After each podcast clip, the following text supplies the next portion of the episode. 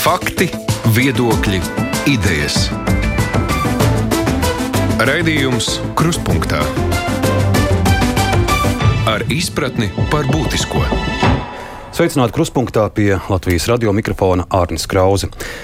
Karstums no Eiropas dienvidiem beidzot ir nokļuvis arī līdz mums, tikmēr Latvijas politikā karstākie notikumi vēl tikai priekšā gaidot sējums vēlēšanas 1. oktobrī.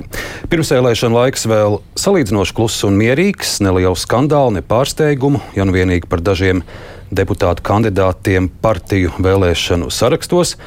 Tikmēr gaidot rudeni ar vien lielāku satraukums, kāda būs nākamā apkurss sezona, kas notiks ar gāzes piegādēm un cenu kāpumu.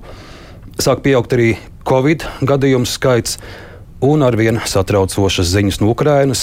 Delfi šodien ziņo, ka Latvija ir iesniegusi pieprasījumu ASV valdībai mobilo reaktīvo iekārtu Haimars iegādēji, kuras Ukrāņi šobrīd ļoti veiksmīgi izmanto cīņā pret okupantiem. Nu, lūk, šie ir vieni daži no nedēļas uzsvariem. Aktualitātes pārunāsim ar kolēģiem, žurnālistiem. Un šodien teikšu labdien, žurnāla sestdiena galvenajai redaktorai Laumai Spridzānai. Labdien! Laikraksta dienas žurnālists Acis Rozentāls arī Labdien. šeit studijās. Sveiks! Un mums pievienojas arī Evita Puriņa, Baltijas pētnieciskā žurnālistikas centra Rebaltika žurnāliste Evita Sveiki! Sveiki! Nu, piedāvāju sākt ar, ar, ar politiku. Tātad jau kopš 13. jūlija turpinās sarakstu pieņemšana. Vakar šeit studijā no Centrālās vēlēšana komisijas vadītājas Kristīnas Bērziņas uzzinājām, ka kopumā līdz šim ir jau 18 politiskie spēki pieteikušies ka viņi nāks uz vēlēšanu komisiju un iesniegs sarakstus. Atgādināšu, iepriekšējās sēmas vēlēšanās bija 16 politiskie spēki, kuri startēja, tagad 18 ir pieteikušies, iespējams, būs vēl kāds. No tiem sarakstiem, kas jau ir iesniegti, vai jums uh, ir arī tur kādi pārsteigumi, vai, vai viss ir daudz maz tā kā prognozēts. Jo nu, man pagaidām šķiet diezgan pakluss tas pirmsvēlēšana laiks. Varbūt tad visi gaida augustu un, un tad sāks, bet, bet šobrīd tā, tā diezgan mierīgi viss ati. Es domāju, ka pagaidām tāda ļoti liela pārsteiguma nav. Nu, uh, tie pārsteigumi ir tādi, ko varbūt mēnesi iepriekš mēs vēl nezinājām. Tad kaut kur parādījās kaut kādas baumas, tad tās apstiprinājās, kā Maija Brieža gadījumā ar saskaņu. Bet uh, es domāju, ka vēl taupās, uh, vēl šobrīd politiskie spēki taupās. Kaut gan ir, ir tādas interesantas lietas, es gan nezinu, ko tas dod. Bet ir tādi uh, vairākas partijas, kuras rīko pasākumu vienā nedēļā, un tad iesniegt iet otrā nedēļā. Viņi neiet vienā dienā vi, visu darīt reizē. Līdz ar to viņi parādās ziņās, nu, tā kā uh, konservatīvai teiksim, parādījās ziņās vakardien, bet viņi nekur nav vēl aizgājuši. Viņi ies, un tad viņi cer, ka viņus, viņi vēlreiz iekļūs ziņās. Bet uh, tādu, nu, tādu ļoti lielu satricinājumu varbūt nav. Mēs, mēs redzam, ka ir uh, stabilie politiķi un ir staigātāji kā vienmēr. Mēs varam uh, tikai nu, tā drusku brīnīties par to, uh, kādu pienesumu viens vai otrs var, var dot. Nu, piemēram, uh, attīstībai par to Vjačeslavs Dombrovskis zemgalē ir otrajā vietā, kas ir ļoti augsta vieta. Tad ir jautājums nu, par šo, šo politiķu, kurš saimā iestartēja no saskaņas, tad pa vidu paspēja nodibināt savu partiju, paspēja no šīs partijas tikt izmests un, un tagad pēkšņi ir pilnīgi citā spektrā. Tad politiķis, kas četrus gadus ir balsojis lielākoties pret valdību, tagad būs partijā, kura ir bijusi pie varas šos četrus gadus. Nu, visādas šādas kombinācijas, bet man brīžiem rodas sajūta, ka tā tehnoloģija gadu gadiem nemainās un ka joprojām ir tā cerība, ka ar spilgtiem vārdiem uh, izdosies piesaistīt uzmanību, uh, ieliekot šos spilgtos vārdus reizēm arī pēdējos sarakstā, kā Anatolija Danelāna gadījumā, uh, ir mēģinājumi uh, pumpēt laukā no pašvaldībām kaut kādus spilgtākos kadrus, uh, arī, arī savu, savu pašvaldību pārstāvjus. Ir ļoti interesanti taksim, tā situācija, ka mm, tās, kas ir partija apvienības, ka viņas atsevišķos gadījumos grupē, teiksim, attīstībai pār pariešiem ir radot Rīga. Mēs skatāmies, ka, ka mm, Rīgas saraksts ir viens vienīgs par, un pārējo, pārējo sēdz Latvijas attīstību. Tad, tad uh, ir kaut kādas iekšējās stratēģijas. Mēs skatāmies, ka progresīvie, kuriem arī labākie panākumi līdz šim ir bijuši Rīgā, protams, visus savus nesen piesaistītos, salīdzinoši nesen piesaistītos smagsvarus ir salikuši Rīgā. Skaidrīt, Ābram ir Rīgā, Andris Sprūts ir Rīgā. Nu, jā, viņa premjerkandidāts ir vidzemē. Bet, eh, bet principā tātad, eh, mēs varam izdarīt jau pirmos kaut kādus secinājumus par kaut kādām stratēģijām.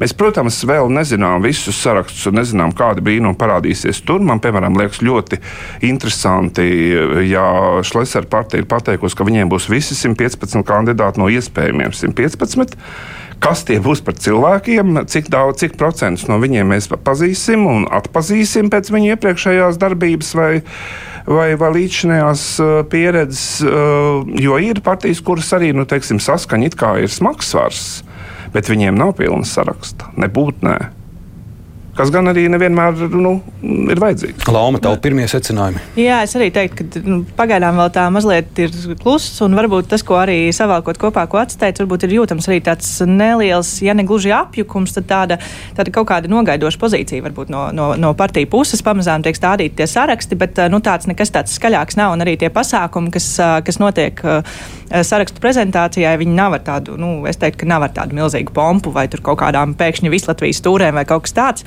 Laikam tie secinājumi ir tādi, ka uzsvars pagaidām ir uz Rīgu. Ne tikai progresīviem, es teiktu arī tas, ka, ka vispār šie prezentācija pasākumi visi notiek Rīgā. Nu, šķiet, neviena partija nav um, prezentējusi sevi ārpus Rīgas. Tas nozīmē, ka visi tomēr orientējās uz Rīgu. Tas, kas nav pārsteigums, bet uh, es teiktu, priekš manis varbūt tāda nu, nepatīkama. Es nezinu, vai to var nosaukt par tendenci. Um, tas pīlēna ienākšana politikā, es tomēr biju cerējis, ka viņš arī tiešām piedalīsies vēlēšanās.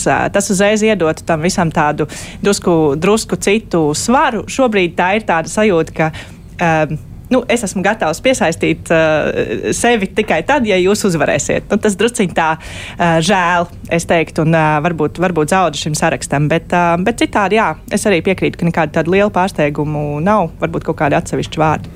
Evi, tu varbūt vari turpināt tieši ar šo aspektu. Nu, jau ir vairāki premjera amata kandidāti, kur vārdus mēs deputātu sarakstos neatrodam. Par, par premjeru viņi ir gatavi būt, bet uh, iet cauri vēlēšanu sietam to ne. Nu, Pīlēna gadījumā jau ir ļoti skaidrs, kāpēc viņš to dara. Un, ja nemaldos, tajā pirmajā pasākumā, kad viņi publiskoja savu piedāvājumu, viņš arī to kaut kā pateica, ja nemaldos. Respektīvi, ja tu ievēlēšana sarakstā tev ir un tiec ievēlēts par saimnes deputātu, un, piemēram, nu, paliec kaut kādā mazākumā vai nekādu, pie nekādas lielas varas netiec, nu, tas nozīmē, protams, amatu ierobežojumus. Tu vairs nevari savā biznesā tādā veidā strādāt. Tas nozīmē pilnu ienākumu deklarēšanu, nu, ja tu esi valsts amatpersona vai ne. Un acīm redzot, eh, šajā gadījumā Pīlēna kungs nav ar mieru to darīt. Nu, viņš, viņš apzinās, ka nu, tieši, tieši kā kolēģi tikko teica, ja, ja mēs uzvarēsim, jo redz, ka es esmu par premjeru jebkurā laikā ļoti labi. Bet, bet es atstāšu sev nu, kāju durvīs, vai ne? Un, un, un ja, ja nu tās durvis vairs ciet, tad es iešu projām. Nē, man tas nav vajadzīgs. Un tas, protams, ir gaužām bēdīgi, jo tas rāda arī šo nodomu nu, nenopietnību vai, vai to, nu, to, to, tu neesi gatavs iet nu, pilnā mērā vai ne, tu, tu, tur tā svārsties. Nu. Vienlaikus vai Pīlēna kungs tiešām līdz šim ir pierādījis sevi kā tādu, nezinu, nu, absolūti Nu, nu, cik daudz viņš sabiedrības labā teiksim, ir darījis uh, līdz šim, un, un vai tiešām par viņu būs tik daudz gatavu balsot tikai tāpēc, vien, ka viņš pasaka, ka viņš būs uh, ies par premjeru, ja tā partija uzvarēs. Es ļoti šo apšaubu. Es neparedzu liels panākums uh, šim veidojumam, jebkurā gadījumā. Es jau jūs mudinātu arī šodienas sarunas laikā pēc iespējas vairāk politiķu vārdus un partiju vārdus minēt, lai mums nav kāds akcents uzsvars tikai uz vienu. Pirmsvēlēšana laiks tiek smalki monitorēts, cik sekundes katram atvēltā kā Evita Pilēnam liksim mieru vēl piemin citus arī. Es pieminēšu Vjačeslavu Dombrovski. Pilnīgi nekāds brīnums nav, ka viņš ir salīdzinoši augstā vietā attīstībai par sarakstā. Tiesa, ka viņš vienīgā, vienīgais partijas spektrs politiskais, kur viņš vēl nav balotējies, ir nacionālais gals, vai ne? Tur viņam vēl viss iespējas, visur citur viņš ir bijis, sākot no sociāldemokrātiem līdz liberāļiem un tā tālāk. Bet viņš, es atgādināšu, 2018. gadā Vjačeslavs Dombrovskis saņēma visvairāk plusus no visiem kandidātiem, un viņš neapšaubām ir populārs kaut kādā daļā sabiedrības. Viņam ir šī, šis nu, politiskais šarms, vai kā to sauc, un tāpēc viņš tur ir. Un tas tikai rāda, ka arī attīstība pār tāpat kā citas partijas.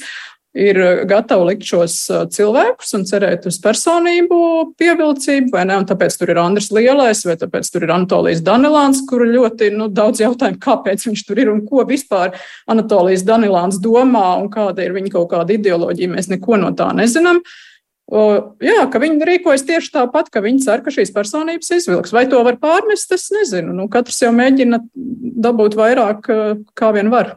Nu, par profesoru Danilānu mēs noteikti zinām, ka viņa ideoloģija ir veselīga ēst un daudz staigāt ar kājām. Bet, bet ja mēs pieminām šos zināmos uzvārdus, arī nu, par Maiju Briedi runāsim.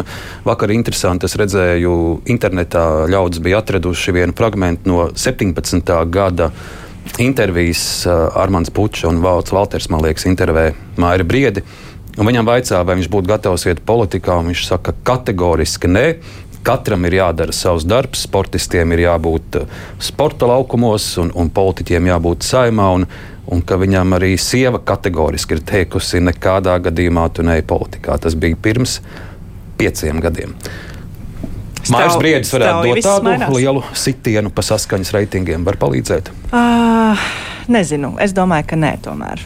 Pazīstams vārds viņš, protams, ir, bet uh, vai viņš var dot tādu ļoti lielu pienesumu, es nezinu, šaubu. Kaut gan nu, no otras puses mums jau ir arī uh, precedenti. Šķerbatiks ir bijis. Kā nu, nevar teikt, ka. Zemļinsks. Jā, jā, nevar teikt, ka sportistu uzvārdi nav spēlējuši nekādu lomu līdz šim uh, ievēlēšanām, bet ka viņš būtu tāda nu, izteikta lokomotīva, es tomēr teiktu, ka nē. Arī tāpēc, ka. Uh, patiesībā šis, šis piemērs ar šo citātu ir ļoti labs, ka viņš šos, šo visu laiku ir stāvējis ļoti tālu no tā visa. Un tagad, uh, varbūt pēdējā laikā, jā, viņš ir sarakstā un, un, un tas sāk parādīties, bet tas nav nekas tāds, ka viņš, piemēram, pēdējos divus gadus būtu uh, mērķiecīgi uh, paudis savu viedokli par dažādām tēmām un, un varbūt ārpus tās, tā sporta lauka būtu bijis pazīstams. Tā kā Tas arī. Ne, nu, te jau ir tā likums, tā atšķirība, manuprāt, no brieža un tiem citiem sportistiem ir tā, ka viņš iekļuva politikā tieši tāpēc, ka viņš izteicās par politiku. Uh, ka viņš šajā 4. maijā izteicās par to, ka nevajag pieminiektu nojaukt. Tajā brīdī sākās viss šī sabiedrības viļņošanās, un tajā brīdī ļoti nopolarizējās arī, uh, nu, piemēram, uh, Nils Ušakovs ierakstīja Krievu valodā Malaģets Facebookā. Jā, bija skaidrs, ka šī polarizācija kaut kādā veidā notiek, ka saskaņā šī gadījumā viņš varbūt nav tik daudz, nu, ne tikai ir izcils sportists vajadzīgs, bet arī viens latvietis lai parādītu, ka viņi nav tikai Krievijas partija, ko viņi ik pa brīdim dara. Nu, viņiem jau arī ir, viņiem ir Ivars Zariņš galu galā ir premjeras kandidāts. Bet, Bet viņi tā kā cer uh, uz šīm latviešu balsīm caur šo briedi, es domāju, un vai tas notiks, nu, grūti pateikt. Vēl par šo aktivitāti. Tātad šobrīd 18 politiskie spēki ir teikuši, ka uh, ka startēs vēlēšanās, eh, vai jūs arī paredzējāt, ka būs eh, tik daudz eh, partijas, kas dosies uz vēlēšanām? Un vai viens no iemesliem nav, ka ne visiem politiskiem spēkiem ir, ir ambīcija pārvarēt 5% barjeru? Daudziem varbūt ir svarīgāk šie 2%, jo Jo saņemot 2% atbalstu, tev ir garantēts uh, valsts atbalsts turpmākajiem četriem gadiem. No CVK vadītājas saprata, ir 100 tūkstoši eiro, nav maza nauda. Un, un arī par tiem politiskiem spēkiem es cilvēks, kurš arī ikdienā sako ziņām politikai, tagad pārskatot dažu partiju nosaukumus, es brīnos, no kurienes pēkšņi tāda ir uzradusies. Četrus gadus par tādu partiju nebija neko dzirdējis, tagad divus mēnešus pirms vēlēšanām parādās. Tādi vairāk piemēri arī ir Evita. Nu, vēl jāskatās, vai tās visas 18 partijas tiešām iesniegs tos sarakstus. Es prognozētu, ka drīzāk nē, jo tas arī prasa kaut kādu darbu un mobilizēšanos. Jāņem vērā, ka pa šo laiku kaut kādā pandēmijas iespējā uh, ir uzradušies dažādi jauni dīvaini veidojumi, kas arī nu, tagad grib cīnīties par tautas tiesībām, tur nevakcinēties vai vispār šo režīmu novākt. Es citēju to, ko es lasu Facebookā un citos sociālos medijos katru dienu gan arī. Un ka tie ir sas, nu, izveidojuši vai, ne, kā, vai pārņēmuši kaut kādus vecus, tur beigušos politiskos spēkus un tagad nu, gatavojas vēlēšanām.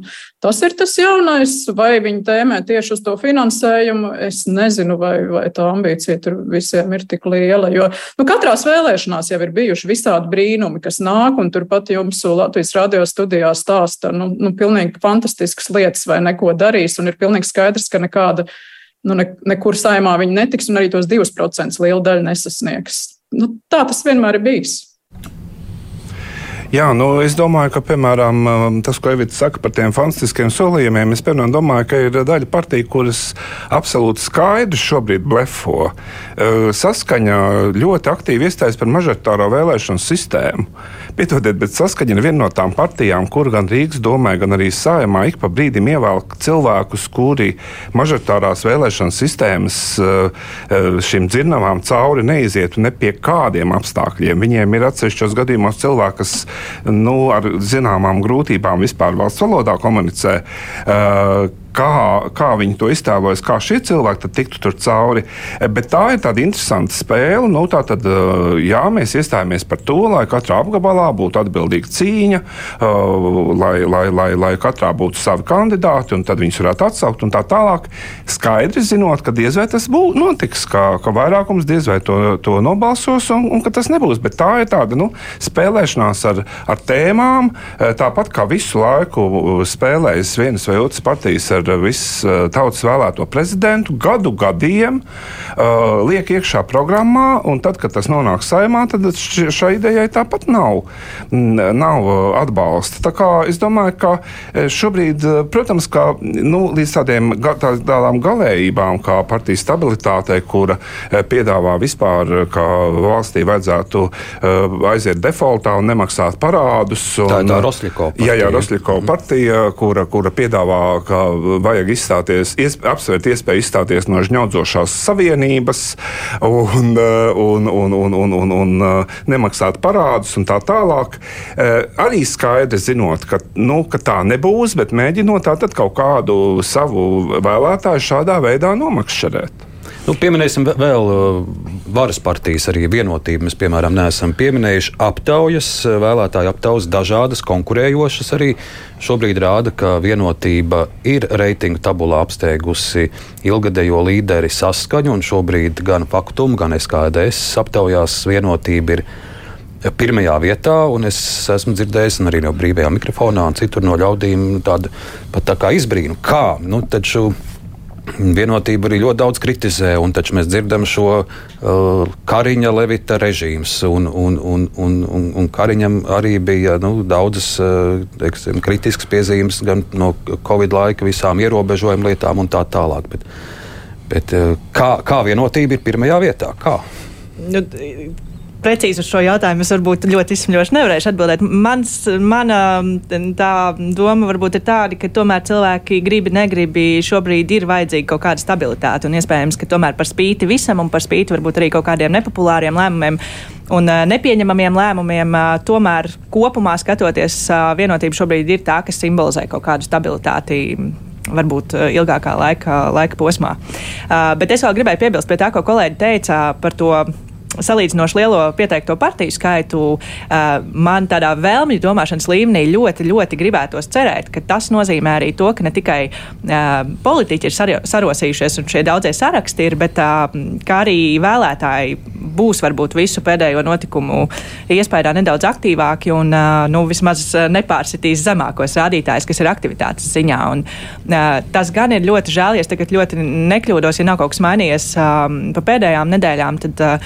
tas, ka nu, šobrīd uh, valdošie spēki nu, nepiešķir šos papildu līdzekļus tam, lai vienkārši veicinātu aktivitāti, kas uh, pēdējās vēlēšanās tagad baidos samalot par uh, neprecīzi minēt uh, procentus. 54,5. Jā, nu, tas ir zems rādītājs, un ja, ja šajās būs zemāks, tad. Um, Vai vispār pašvaldību zem... vēlēšanās bija vēl zemāks? SKDS jaunākā aptauja rāda, ka vaicājot pilsoņiem, vai jūs dosieties vēlēt tā skaidri un gaiši pasaka tikai 35% šobrīd, kad dosies vēlēt. Lūk. Vēl viena indikācija, ko es vakar sadzirdēju no Centrālās vēlēšana komisijas priekšsēdētājas, eh, šonadēļ noslēdzās eh, termiņš, līdz kuram eh, vēlētāji ārzemēs varēja pieteikt iecirkņus. Iecirkņi, protams, ir vēstniecībās, bet ļaudis paši var sarosīties un, un arī organizēt iecirkņus, lai tuvāk mājām. Ja pagājušajās saimnes vēlēšanās šādu pieteikumu bija 80, 80 iecirkņi ārvalstīs, šogad saņemts uz pusi pusi mazāk, 40 pieteikumu tikai. Par ko tas sevi signalizē?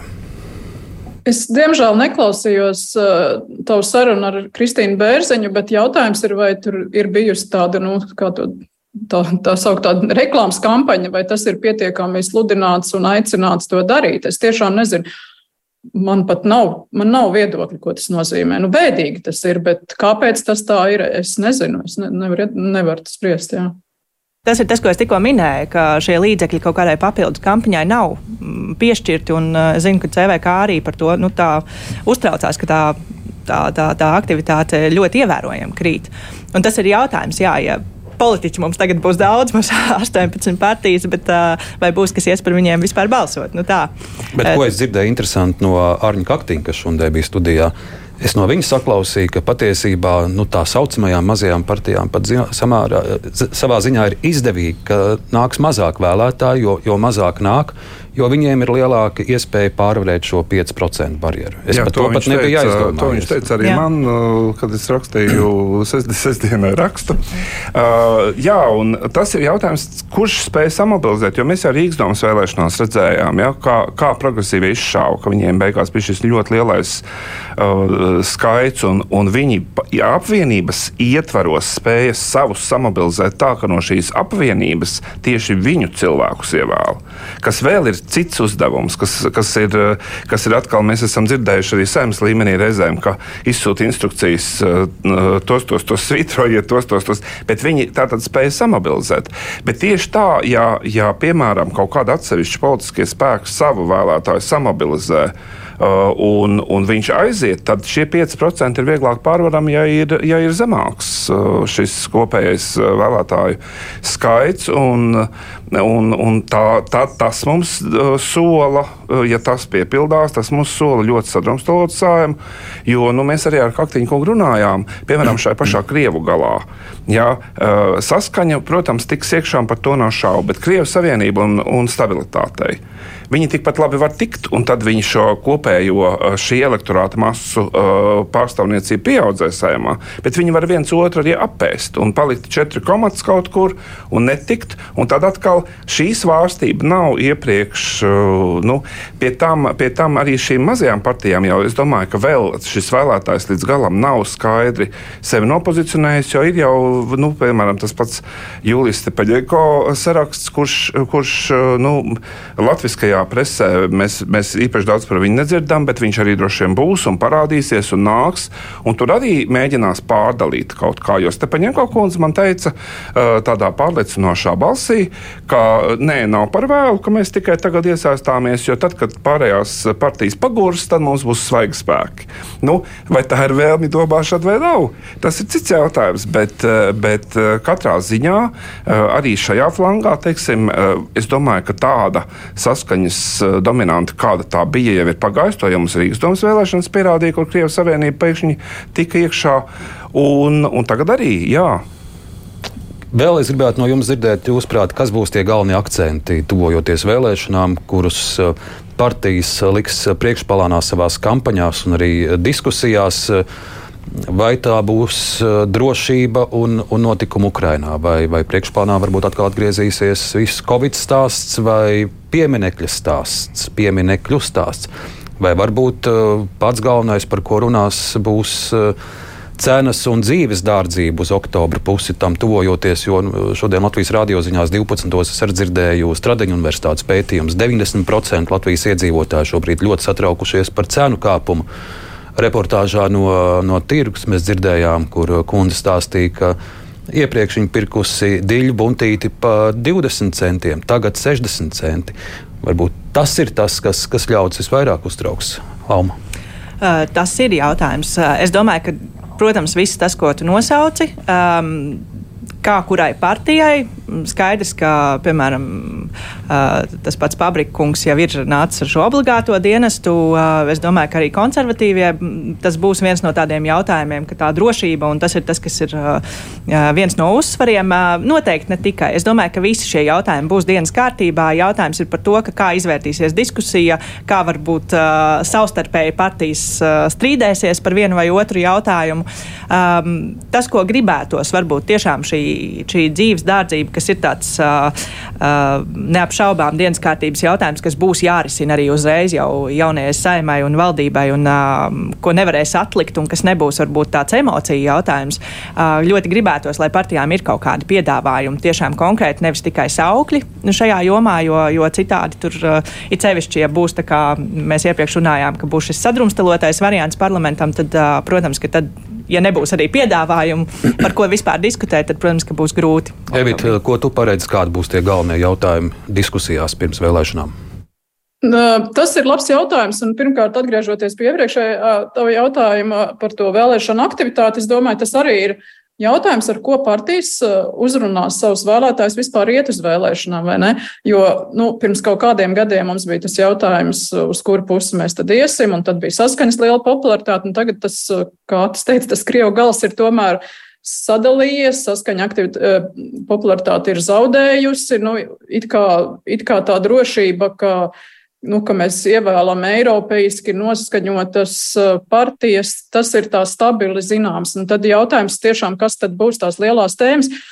Kamēr tu sacīji, tā kā es atrodos pie datora, es apskatījos, piemēram, attīstībai par uh, programmu, nu tur nav nekas par uh, īsajā programmā par, par, par to, kā palīdzēt pārvarēt krīzi cilvēkiem šo cenu krīzi, kā dzīves līmeni kaut kādā mērā noturēt kā šo lielo nevienlīdzību, nu, kas neapšaubām būs. Mēs, mēs īstenībā pat vēl nezinām, kas būs rudenī un kas būs ziemā. Uh, tas nav tas uzsvars. Es domāju, ka arī, piemēram, jaunai vienotībai varētu būt grūti ar šo iet kā ar karogu vēlēšanās, tāpēc ka darbi liecina paši par sevi un līdz šim viņi nav, nu, nav es teiktu tā Tātad nodokļus nesamazināsim, PVN nesamazināsim, ar pabalstiem nesteigsimies kaut kad rudenī visiem nedosim, dosim mērķēti, kā mērķēti īsti nezinām. Nu, tur ir vienmēr bijis tāds ļoti piesardzīgi, vai ne? Vai, vai tagad viņi varētu iet ar to, ka mēs visiem palīdzēsim un nu, ļoti apšaubu.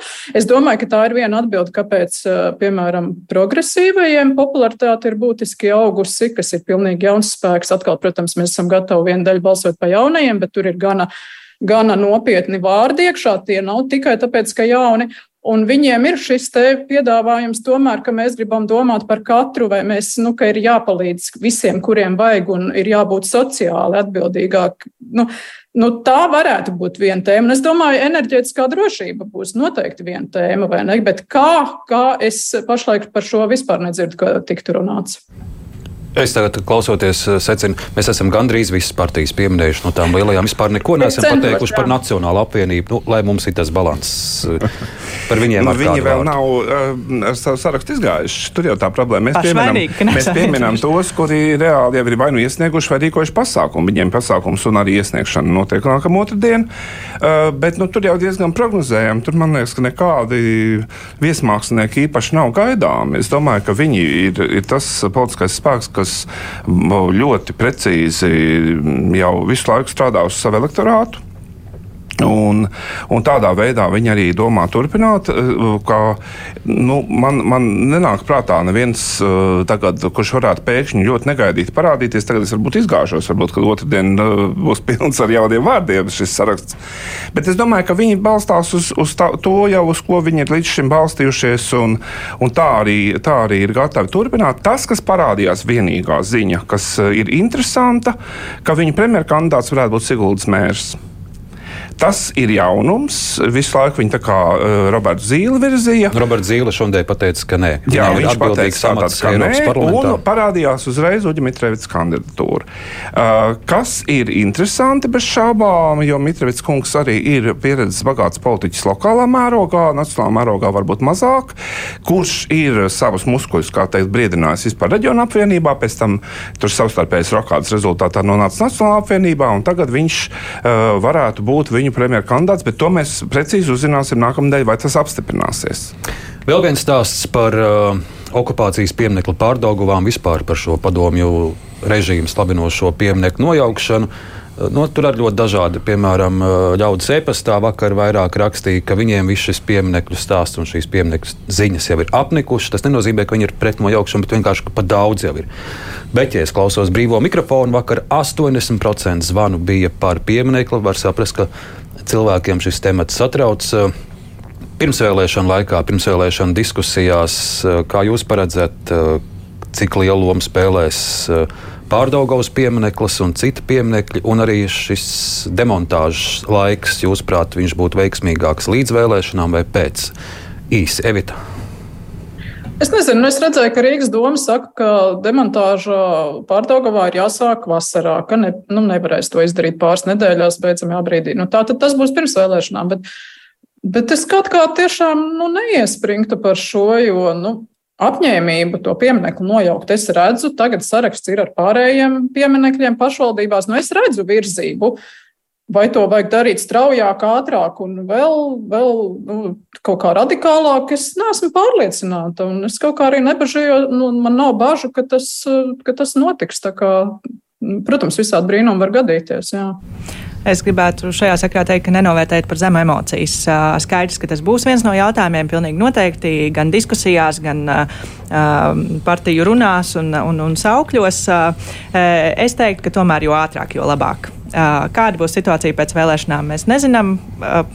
Labāk, lai tā ir lieta, kas ir izdarīta. Un, kā tu pareizi minēji, 80% par to šobrīd joprojām vārās. Nu, tā, tā vienkārši izsakoties. Uh, tas ir jautājums, ko salīdzinoši viegli ir sakārtot. Tad arī vajag sakārtot, lai tas tiek noņemts no dienas kārtības. Rīgas doma man teica, ka viņi ne, nepaziņos iepriekš, uh, kad tas ir domāts. Viņi vienkārši sāks, lai, lai ne, ne, ne, nebū, nepagūtu aktivizēties pretinieki, lai kāds nepaspēja pieķēdēties uh, runājot. Uh, līdz ar to mēs īsti nezinām, jo tagad Pleškungs ir pieprasījis grafikus no, no pašvaldībām, visām kādos grafikos, kurš jauks. Tas ir interesanti, tāpēc, ka, ja Rīgas doma to grib izdarīt iepriekš neizziņojot, tad, tad jautājums, cik šie grafiki būs publiski pieejami. Jo, jo Jo nu, es, es, es sapratu, ka, ka tā vēlme tiešām ir jau to vasarā sākt darīt, bet tas notiks tā, ka vienā naktī pēkšņi atbrauks un sāks un būs nožogot teritoriju un tā, bet iepriekš tas netiks pateikts. Tagad mēs 1. septembrī sākam kaut ko darīt. Nē. Eh, lai šī situācija būtu pēkšņa. Un par pārējiem es domāju, ka tur nav lielu problēmu. Ka, nu, eh, problēmas, protams, būs eh, Latvijas galā. Es domāju, ka Daugopilī varētu būt jautājums, kā tas notiks. Un arī tāpēc iespējams, ka Pleškungs ir prasījis šos grafikus, jo tas, ka nu, tur tā klās atvērsmes tiesa pa vidu ar Elksniņu un tā tālāk, ka, ka būs šie mēģinājumi novilcināt šo, šo jautājumu Latgalē, jo tas, protams, Latvijas galu ļoti polarizē. Šis, te, šis te vairāk varbūt nekā, nekā Rīgā. Nu, tad ir viena ļaužu grupa, kur ir ļoti nepacietīga, ka, ka rīt jau vajag spridzināt pārdaugavā. Arī brīvā mikrofonā es klausos. Vakar pat bija mums rosinājums, ka mums vajag sapieru kādu uz, uz, uz, uz raidījumu uzaicināt. Un, un, un, nu, lūk, raudzīsimies arī, kas ir ar šo pieminiektu stāstu. Bet vēl viens temats no šīs nedēļas, dzirdēt, gribētu arī jūsu pārdomas par šo KIT TV, tātad uh, jauniešu bērnu. Uh, nu, to skolu nevar saukt par tādu interešu pulciņš, kur māca jaunajiem mm, žurnālistiku. Un, un viņa aizbrauca pie Lukašenko uz, uz Baltkrieviju, un, un manuprāt, tas bija nu, lieliski saplānota uh, Baltkrievijas pēcdienas operācija, propagandas stāsts. Tie, kur redzēja šos video kadrus, nu var redzēt, ka tur Lukašenko preses sekretāri saka, ka nu, bērnu prezidentam nav laika, bet uh, Lukašenko pastum to preses sekretāru malā un, un ļoti kā tāds kādīgs paps iztaujā šos jauniešus. Un, uh, Un tagad katru dienu Baltkrievijas propagandas mēdī šo visu stāstu turpina. Lūk, kā Latvijā tagad pret šiem bērniem un, un, un viņu skolotājiem tur izrēķinās. Un, un tagad atklājas, ka šīs uh, organizācijas vadītāja ir Krievijas pilsone. Mēs redzam no viņas komentāriem ļoti eh, nelojāla pret eh, valsti, kurā ir dzīvojusi, un, un kādas tik briesmu lietas viņa par Latviju nestāsta.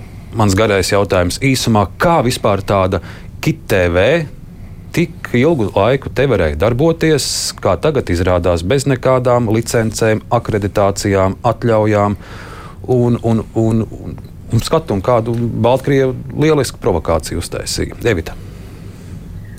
Nu, es teiktu, ka man tas nav nekāds pārsteigums, jo mums ik pa laikam parādās ziņas, ka kaut kur uh, nu, vairāk vai mazāk formālā veidolā šādas grupiņas strādā. Ir cilvēki. Es atceros pirms gadiem, kad es strādāju Jelgavā, vēl, vai tas arī bija neilgi pēc tam vietējā laikrakstā.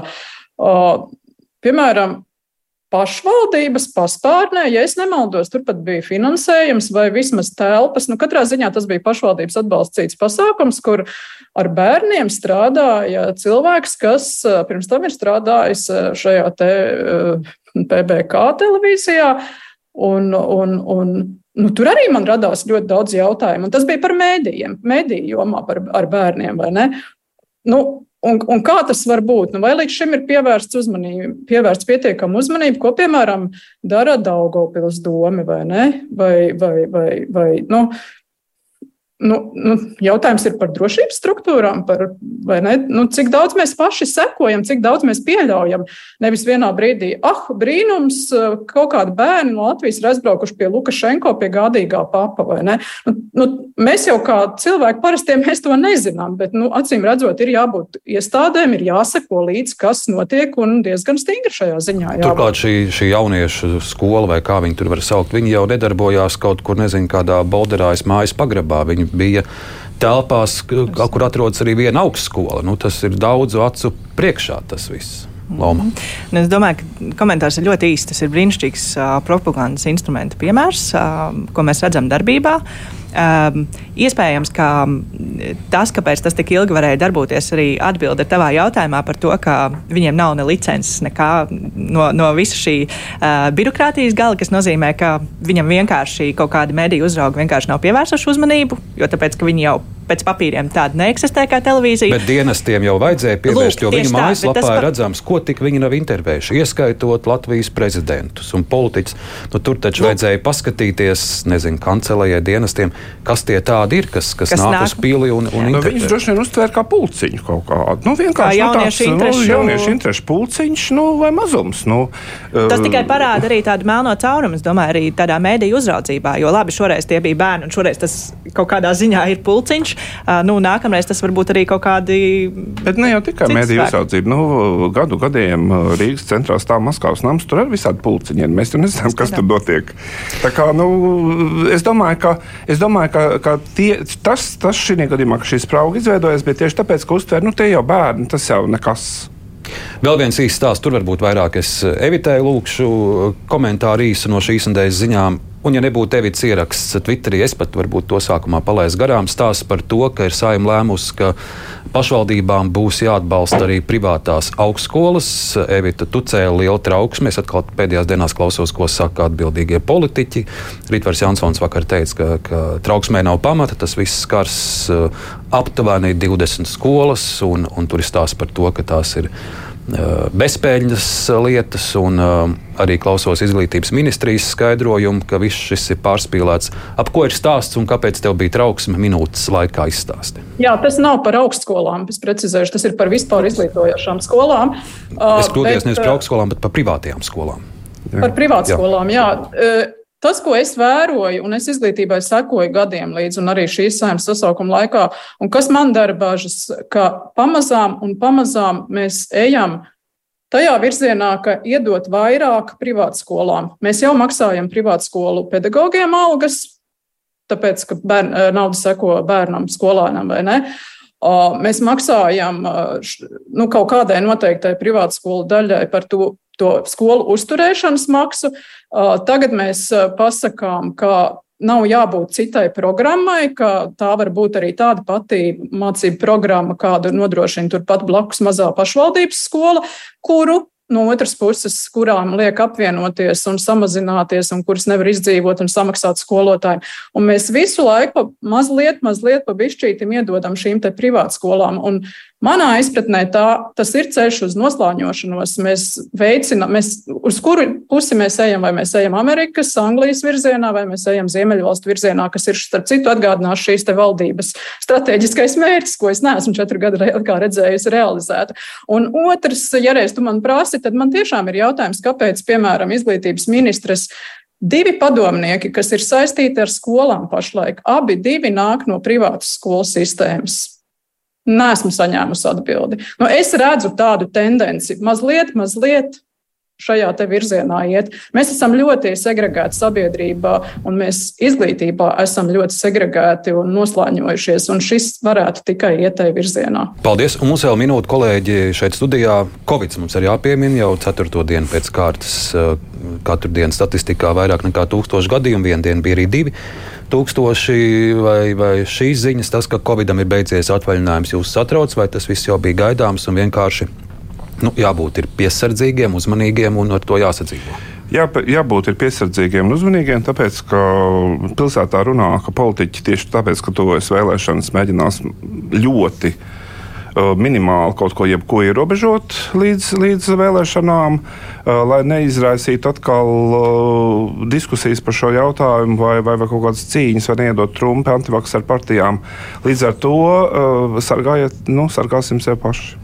Es pavisam īsti tas, ko es esmu teikusi jau arī tā skaitā šajā studijā, manuprāt, kamēr tas nav runa par slimnīcas noslodzi, kamēr tā izskatās, ka šis vilnis šobrīd ir tāds vairāk pārslimojams mājās un salīdzinoši vieglā formā, tikmēr varbūt arī kaut kādiem lielākiem ierobežojumiem nav pamata, bet vēlreiz un vēlreiz tur ir jāklausās speciālistu viedoklī, un ja septembrī atkal būs tāds lielāks uzliesmojums un mums nekādi plāni nebūs gatavi un netiks, ieklau, netiks uzklausīts šis speciālistu viedoklis, tad gan nu, nu, tad komentāru īsti nav vienkārši.